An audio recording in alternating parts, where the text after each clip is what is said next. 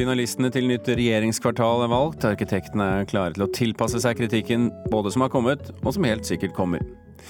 Det er forventet rekordhøy oppslutning til Pride-festivalen lørdag. Og åpningskonserten under Risør kammermusikkfest var sprikende og langtekkelig, mener vår anmelder. Så skal jeg forsøke å gjøre alt jeg kan for at Kulturnytt ikke blir eh, verken sprikende eller langtekkelig. Vi skal eh, begynne i Oslo sentrum, for i går så valgte Statsbygg ut de to prosjektene som skal gå videre til den avsluttende delen av arkitektkonkurransen om det nye regjeringskvartalet. At alle departementer skal samles på ett sted har ført til kritikk, der ord som gigantomani har blitt brukt om utkastene. Men kommunal- og moderniseringsminister Jan Tore Sanner han sier at ingenting er hogd i stein stein, og alt kan diskuteres. Arkitektene selv mener de vil klare å tilpasse seg kritikken som har kommet. Bak Adapt står Team Urbis, og bak Lysning står G8 Pluss. Vennligst kom fram og gratulerer hjertelig. Stor jubel og mye glede da Statsbygg onsdag presenterte prosjektene til Team Urbis og G8 Pluss som finalistene i arkitektkonkurransen for nytt regjeringskvartal. Det var helt vilt. Jeg skjelver i beina ennå. Sa Geir Hoversen, arkitekt i A-lab og teamleder for G8 Pluss. Da, da, de leste opp kriteriene, og jeg skjønte at vi traff på hver eneste en, så plutselig kjente jeg bare dunk, dunk, dunk, dunk. dunk. Tenkte jeg bare dette kan faktisk gå veien. Jeg hadde aldri trodd i min villeste fantasi. Sammen med arkitekter, ingeniører og andre står Hoversen og G8 pluss bak prosjektet Lysning. Det andre utvalgte prosjektet, Adapt, er signert Team Urbis. Gudmund Stokke er klar på hvorfor Adapt ble valgt. Så Det vi prøvde å gjøre, var også, vi kalte det Adapt, altså tilpasse oss bystrukturen og uh, høyder og volumer så mye som mulig, sånn at det skulle bli en mest mulig vennlig tilpasning. Og så tror jeg at vi har klart å plassere de ulike funksjonene ganske fint inn i inn i prosjektet. Da Adapt og lysning ble presentert sammen med fem andre forslag, kom det derimot kritikk. Flere mener en biter over for mye når alle departement skal presses inn på ett område sentralt i Oslo. Under Dagsnytt 18 onsdag kveld sa derimot kommunal- og moderniseringsminister Jan Tore Sanner at ingenting er endelig avgjort. Nei, vi skal ha åpen diskusjon om, om regjeringskvartalet. Eh, det har, har jeg bedt om. Det betyr at flyttinga av Utenriksdepartementet fra Vika ikke er endelig, samt at flere av bygga like ved det planlagte regjeringskvartalet fremdeles kan bli brukt som kontor for flere departement. Vinnerne av arkitektkonkurransen mener derimot at en fint kan få plass til alt, uten å ødelegge byrommet eller gjøre ting for stort. Jeg tror at det som er der, kan innpasses i byen på en helt utmerket måte. Det er litt mye skremselspropaganda rundt at det er så stort. Det er ikke så veldig stort når du ser rundt om andre steder i byen og størrelsen på husene vi bygger. Sier Stokke fra Team Urbis. Hoversen i G8 pluss er tydelig på at konkurransen foreløpig har vært en konseptkonkurranse, og at svært mye kan gjøres videre. Vi valgte å ikke dra arkitektur og fasader for langt, men heller prøve å eh, Det er jo veldig mye som skal gjøres på to måneder, og heller nedtone det og så si at lage en strategi for hvordan det kan utvikle seg videre. Når dette er ferdig, kommer det til å bli fantastisk, men hvis du starter der, så du rekker ikke alt.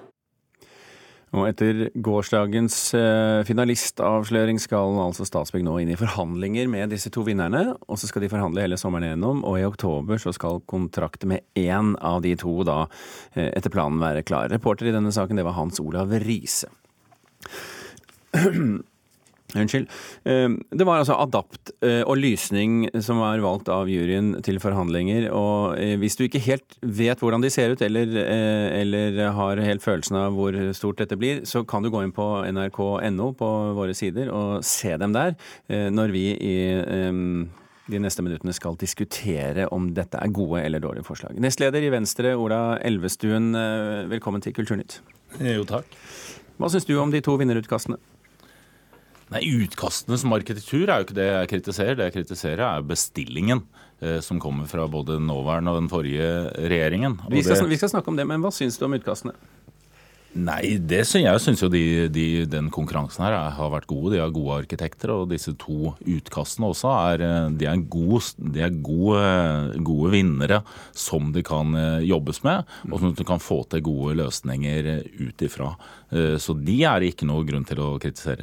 Erling Fossen, eh, du er samfunnsgeograf og kaller deg bydoktor. Hva syns du om de to forslagene? Eh, jeg syns det representerer et eh, kvantesprang framover i forhold til eh, det gamle regjeringskvartalet. Um, på hvilken måte? Nei, Det som er hovedproblemet med det gamle regjeringskvartalet, det fungerte jo mer eller mindre som en annen kreftcelle. Det var ingen fungerende byrom, verken foran Deichman, Einar Gerhardsen plass, regjeringsparken. Det eneste de plassene dugde til, var egentlig å vente på 37-bussen. Uh, og ved å fjerne uh, Y-blokka, så åpner også opp mot nord-sør-akse. Du får mye bedre tverrforbindelser uh, vest-øst. Grubbegata våkner til liv. Så det er veldig mye av de som Så jeg er totalt uenig med Elvestuen. Jeg mener, jeg mener at Statsbygg lærte mye av første runde og trakk ut det som var de viktigste bestillingene, og lage gode byrom. og Det syns jeg det, disse premissene og det man har levert i andre omgang, har svart veldig godt på. La oss bare be lytterne våre litt om tilgivelse, fordi at vi går veldig lokalt til verks og snakker om gater og plasser og sånn som ikke så mange har øh, nødvendigvis noe forhold til, men vi er nesten nødt til å gjøre det når vi nå en gang snakker om dette her. Elvestuen, øh, tilbake til argumentet ditt om bestillingen. Hva er problemet med bestillingen, sånn som du ser det? Nei, Problemet er at det er for stor bebyggelse og for mange kvadratmeter du skal ha inn på ei for lita tomt. og Det ligger i at man skal samle alle departementene på ett område, og på ett lite område bak den gamle eh, regjeringsblokka. Eh, og Da blir dette ganske enkelt for stort. Det blir en gigantomani. Det blir for stort inn mot, eh, mot Youngstorget, og det blir for stort også ned mot Grubbegata, ikke minst også Møllergata, som er der. Og Dette blir liggende på avstand, så vil du få dette liggende som en slags tett, nærmest borg, som stiger opp over byen, og blir for dominerende i bylandskapet. En ny kreftcelle, for å bruke bruke eh, Fossens begrep? Ja, og så er det noe med symbolikken her. Jeg mener Det vi skal bygge er et regjeringskvartal. Dette er departementene. Eh, også mens vi jo Stortinget ligger der det gjør, som det viktigste bygget som vi har. Også det norske demokratiet. Vi har eh, Slottet der det gjør. Eh, og her sånn nå skal vi bygge nytt regjeringskvartal. Men det er virkelig ingen grunn til å samle alle departementene på ett eneste sted. Fossen? Jeg skjønner heller ikke den logikken der. For jeg tenker eh, at vi er egentlig veldig stolt av velferdsstaten vår. Eh, og da syns jeg også den staten staten må få lov til å uttrykke sin makt romlig. Altså Du må få lov til å være synlig i bybildet. Og Det viktigste for meg i så måte er jo da at man ikke lager en festning. Altså Det var jo veldig mange i Oslo var jo livredde for at det kom til å bli en festning. Nå, jo, nå blir det jo ett felles byrom. Det inviterer inn. Du ser nesten ikke sikkerhetsforanstaltningene. Så det syns jeg det er løst på en veldig god måte. Og dermed så mener jeg da, da at makt må få lov til å uttrykke seg da, romlig. Og det er jo, Hvis du sammenligner med Barcode, der er det DNB har 4000 ansatte på tre bygg. Og her vil det da bli 5007 ansatte på er det 8-10 nye og eksisterende bygg. Så målt opp mot Barcode så er det jo ikke tett i det hele tatt. Dette er jo byråkratiet som skal samles der. sånn, og Det er jo også byrommene ned mot Youngstorget, som vil bli et jungstorget Youngstorget, som jo er vanskelig å få liv på som det er, men som jo blir enda tettere med dette. Og det er så enkelt å unngå. For det er bare å la Utenriksdepartementet ligge der det ligger i dag. Der har det sin historiske tilknytning, og det bruker begge sider av Akersgata. Det R5, der det jo er departementer i dag, kan fortsatt også fint benyttes i framtida. Og gjør du de to tingene, så er det mer enn plass nok inn i det, inni der dette, disse forslagene er, til å få de gode byrommene, til å få den gode arkitekturen, og få dette også bedre tilpassa til sine omgivelser. Og jeg mener også, hvis du gjør det, så gis det også rom for det som jo er det siste siste hovedkonflikten. Det gir det også rom for å beholde eh, Picasso og Carl sitt kunstverk på endeveggen av Y-blokka. Man river ikke en eh, Picasso. Jeg syns dette er noe man altfor lemfeldig har gått inn i og bestemt. Men der er vi egentlig over på premissene for denne debatten. fordi alle som er motstandere av uh, disse nye forslagene til regjeringskvartal, har som premiss at de må rive Y-blokka. Og veldig mange da som er mot alle disse forslagene, kunne ha, vi kunne ha verdens beste arkitekter inn her. Vi kunne egentlig gjort hva som helst. Men så lenge premissene Er nei, vi må rive Y-blokka. helt- Dermed, dermed så vil de da ikke engang diskutere disse forslagene. Jo, det vil vi jo. Det er men- men to forskjellige ta- ta det Det er to diskusjoner. Det du sier med. Youngstorget, altså I dag er vi uenige om alt. Du sier at Youngstorget ble ødelagt. Youngstorget, Det som er hovedproblemet med Youngstorget, er jo at programmeringen er altfor svær plass, og det ikke skjer noe. Hvis man da får noen høyhus som rammer oppå Akerskyggen bak M19, Møllergata 19, så vil det bare være helt fantastisk å sitte på Youngstorget. Du får en ramme til et byrom som før ikke har vært der. Med mye mindre sol enn det det også ennå er i dag. Fordi det er, du, dette ligger jo vestvendt for det som er den, eh, den plassen. Og så er det ikke sånn. og så er det ikke sånn, Du må skille. Det er to diskusjoner. Det ene går på volumene. Det handler om skal du samle alle departementene på ett sted eller ikke. Det andre er Y-blokka spesielt.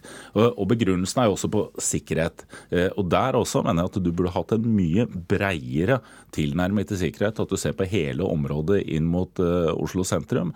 Plan- og bygningsetaten i Oslo har jobba mye med dette. Man har vært i god kontakt og lært av London. Sånn at du ser på mange flere av de fellesarealene vi har, og bygger inn også sikkerhetstiltak inn i de. Kort kommentar til slutt, eh, Fossen. Eh, nei, det er jo interessant. Uh, Sander bare sier at denne, ingenting er hogget i stein. Uh, men jeg tror bare sånn hovedgrepene at endelig får vi et godt byrom. Vi må tillate velferdsstaten å uttrykke sin makt rommelig på en decent måte. Og så må vi da være flinke til å forhandle fram sånn optimale løsninger på tverrforbindelser nord, sør, øst, vest. Og så må vi ha utadvendte tilbud i første etasjene, Så tror jeg dette ble helt fantastisk. Og uansett hvordan eh, ting eh, blir, så skal det nå være en eh, slags lang sommerferie for folk, og så skal det diskuteres. Og så frem mot 1. oktober så, så er vi nærmere en løsning, og så skal jo da Stortinget begynne å diskutere dette på ekte.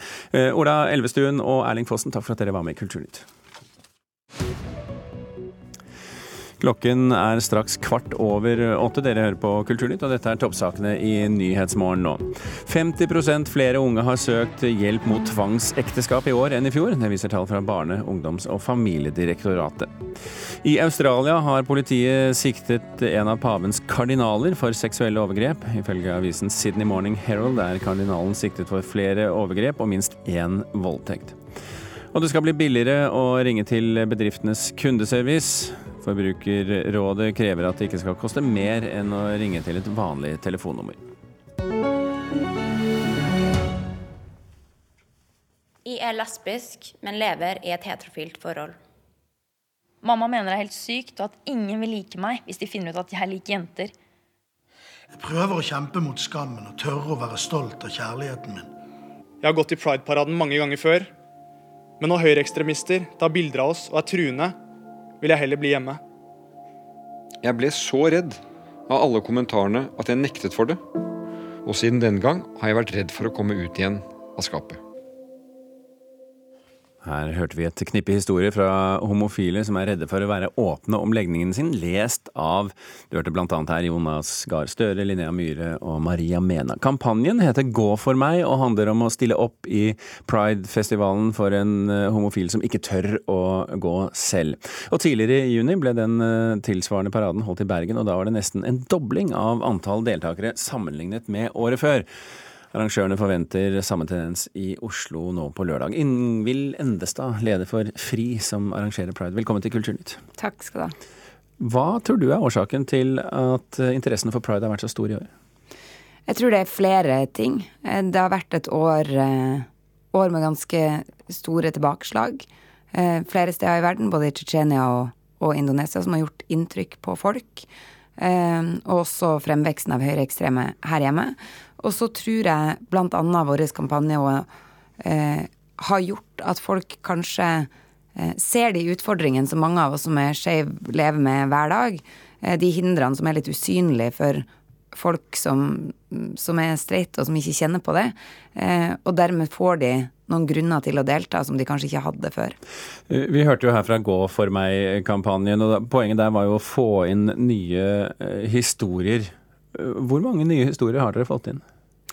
De tikker inn hele tida. Jeg tror vi nærmer oss kanskje 400. Eh, Og det er veldig ulike historier fra ganske ulike folk. Noen foreldre, noen, noen barn, noen lærere. Er det, noe som, Men- er det noe som kjennetegner dem som er litt sånn felles for dem? Ja. Um, Bortsett fra som, tematikken, selvsagt. Det som er felles for dem, er, er en usikkerhet på omgivelsene og hvordan de vil reagere. Um, eller en, en, ganske visshet om at man har negative holdninger i omgivelsene. Og det tenker jo jeg Det kan man jo bli litt sånn trist av, men det som er bra med det, er jo at eh, omgivelser kan vi jo gjøre noe med. Folk sine holdninger og folk sine eh, meninger kan vi jo gjøre noe med. Mm. Så det er jo et godt utgangspunkt. Og det kan man jo også gjøre eh, ved å vise fram de positive holdningene man har, som folk kanskje glemmer ofte å gjøre. Om det er å gå i, i paraden eller delta nå i, i Pride Park, Park i Spikersuppa, eller om det er å si ifra til ungene sine at jeg kommer til å elske deg uansett. Mm. Eh, dokumentarfilmskaper Kenneth Elvebakk, velkommen til Kulturnytt, du òg. Takk skal du ha. Du sitter og nikker når, eh, når Endesa snakker her. Kjenner du igjen disse historiene fra de du prøver å lete frem? Jeg lager jo en film om uh, skeive elever på ungdomsskolen.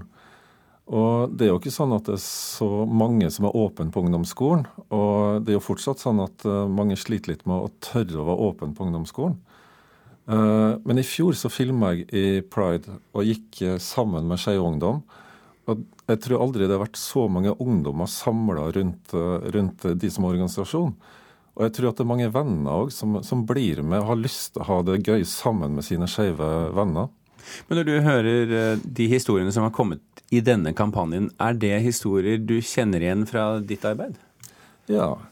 I 2003 så laga jeg en film om eldre homofile menn. Eh, det var 50-tallet, 60-tallet. Det var vanskelig å, å være åpen.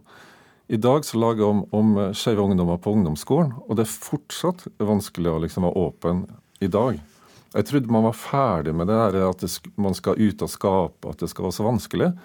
Men de har litt av den samme skammen og angsten som de går rundt med kanskje i flere år, for de tør å være åpen. Hvorfor har man ikke kommet lenger? Det kan være litt med skolen, utdanningssystemet, hva vi lærer på skolen om det å være skeiv. Um, og kanskje Kanskje du kan si noe om det? Altså skole, skoleverket vårt? Eh, er det skoleverk som er skjevt? Nei, unnskyld. For lite skjevt. er det skoleverket det er noe gærent med? Jeg tror i hvert fall de, Vi har jo undervisningsopplegg ut mot skolene. Eh, og det lærerne forteller oss, at de kan ikke nok, og de føler seg ikke trygge på tematikken.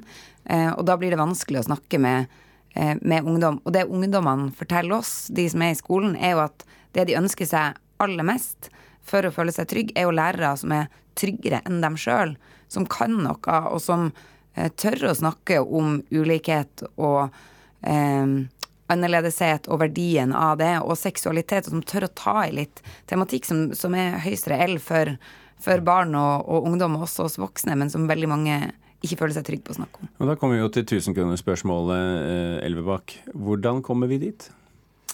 Du må egentlig inne i barnehage. Du må hele skoleløpet snakke om seksuell orientering, om identitet. Og du kan ha det i alle fag. Eh, hvordan snakker vi, hvordan bruker vi språket vårt? Norsk fag. Eh, historien i forhold til det å være skeiv, inne i historien. Religion, hvordan påvirker det oss? Det er mye interessant man kan snakke med, med ungdommer om gjennom hele barne- og ungdomsskolen.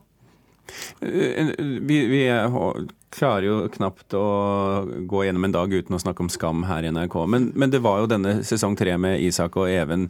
Uh, har du opplevd at det er en form for uh, samtale som ungdom trenger? Ja, jeg tror at sånn som TV-serien Skam eh, den viser på en måte andre ungdommer at det er mulig, det er mulig å få det fint. Og NRK har jo laga veldig mange programmer om, om det å være skeiv gjennom mange, mange år. Men det er viktig å fortsette å lage disse programmene. Um, det kommer en ny generasjon tenåringer, og de fortjener også disse programmene. Mm.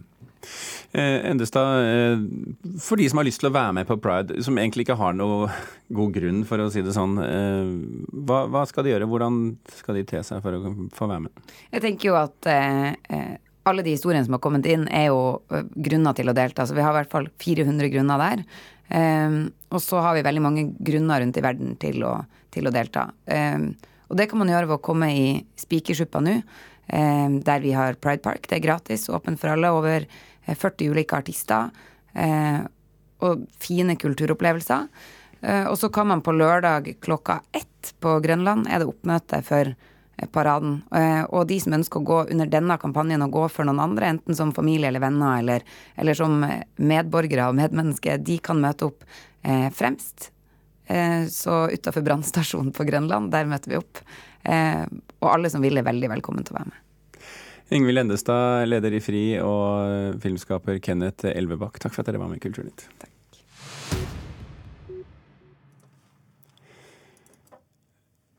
I går snakket vi i Kulturnytt om konflikten mellom eh, Fjord Classics og eh, Risør kammermusikkfestival. Eh, vår kritiker tok turen fra Fjord Classics til Risør kirke, hvor åpningskonserten under Risør kammermusikkfest fant sted i går kveld.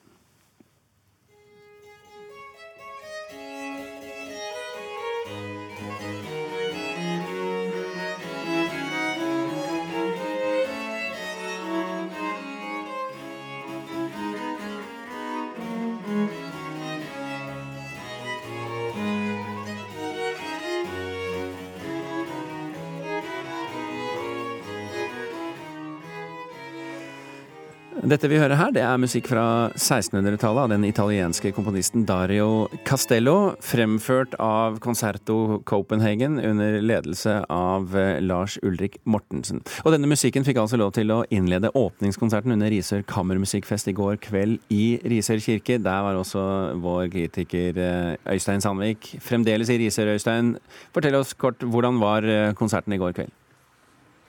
Nei, Til tross for mange fine og imponerende musikalske innslag ble dette som helhet en lang og sprikende konsert.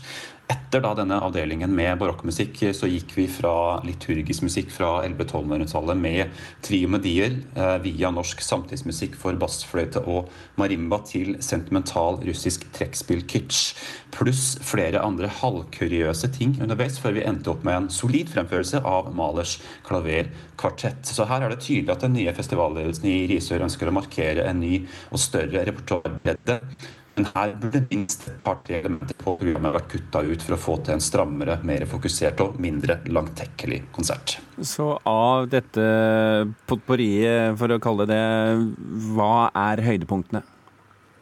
Nei, altså for, Foruten denne avslutningen med Malerkvartetten så har jo da den norske trio Medieval noe helt særegent i måten de fremfører eh, middelaldermusikk på. De var jo for øvrig også de eneste som da eh, påkalte denne typiske taktfaste formen for applaus som oppstår når publikum føler seg ekstra begeistret.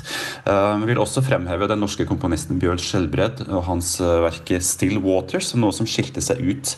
Eh, et stillferdig verk for fløyte og marimba som skapte en helt egen stemning i et program som ellers besto av en del musikk av mer varierende interesse.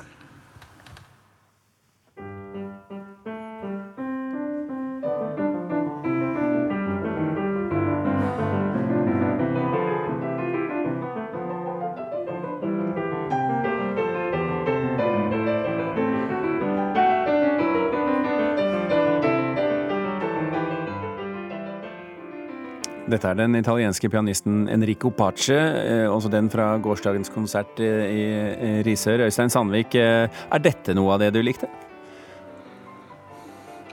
Ja, altså Enrico Pace er jo da årets gjestende kunstneriske leder i Risør, og som eh, sådan ansvarlig for en del av programmet. Han er en god pianist, men akkurat disse Eh, bearbeidelsene av korallpryllyder av Bach av eh, den italienske 1900-tallsmodernisten Camillo Tonni var ikke akkurat musikk jeg rev av meg skjorta i begeistring eh, over å høre, for å si det sånn. Altså, det er jo litt karakteristisk for konserten som helhet. Jeg kan nevne også Wilhelm Ernsts halsbrekkende arrangement av Schuberts Erlkönig for solofiolin ble jo da ekstremt imponerende fremført av Kristoff Barati. altså Man trodde jo knapt eh, det man hørte, men det gjorde heller ikke så veldig stort eh, inntrykk.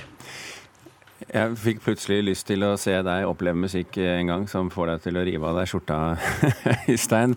Eh, eh, Metaforer, vet du. Metaforer. Eh, vi, vi, Øystein, vi, vi, snakket i går, og det har vært en del snakk om det i det siste. Konkurransen mellom Fjord Classics i Sandefjord og Risør kammermusikkfest, som altså begge kammermusikkfestivalene pågår samtidig denne uken. Og du var på Sandefjord, i Sandefjord for to dager siden, og Risør i går. Og vi må stille dette spørsmålet. Hvilken åpningskonsert var best? Ja, altså vurdert, vurdert, som rene konsertopplevelser så var åpningskonserten i Sandefjord på et høyere nivå. Det er ikke noe tvil om det. Altså, det var en mer fokusert konsert. Den hadde til dels utøvere som var en divisjon over det vi hørte i Risør uh, i går kveld. Uh, når det er sagt, så er jo da um, festivalet mer enn bare åpningskonserten. Og det er et tydeligere fokus på kommende konserter i Risør, med, et, uh, med, med langt færre verk og en, en tydeligere rød tråd gjennom programmet, og ikke minst da en bedre miks av sentrale og litt mer perifere verk som fortjener å spilles i langt større grad. Men du kan si at disse to eh, åpningskonsertene spissformulerer, spissformulerer, litt det som er forskjellen mellom disse to festivalene.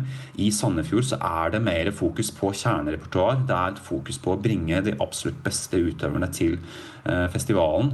Risør er mer dristig i programmeringa. Eh, de, de, prøver å spre det mer, ha et videre repertoar historisk, helt fra middelalderen og frem til ting som er, um, skapes her og nå i vår uh, tid.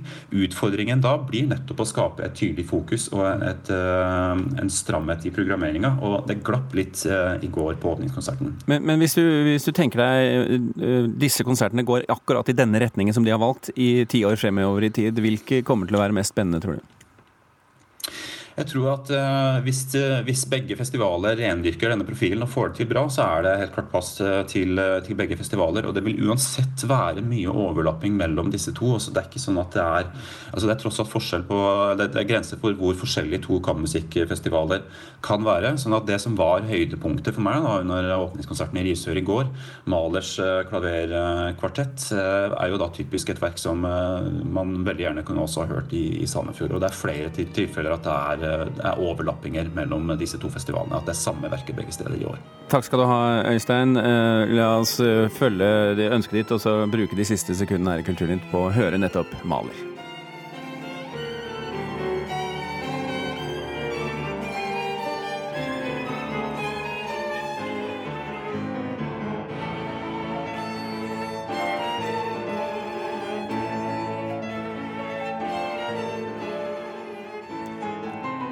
Åpningskonserten under Risør kammermusikkfest, Gustav Mahlers klaverkvartett i eh, A-moll. Da runder Kulturnytt av for i dag. I morgen tidlig er Stine Traalt klar med den siste Kulturnytt-sendingen før uh, sommeren. Uh, og ferietiden trer inn i vår redaksjon. I denne omgang er vi ferdige her. Tone Staude og Birger Kåsrud Aasund ga deg Kulturnytt i dag.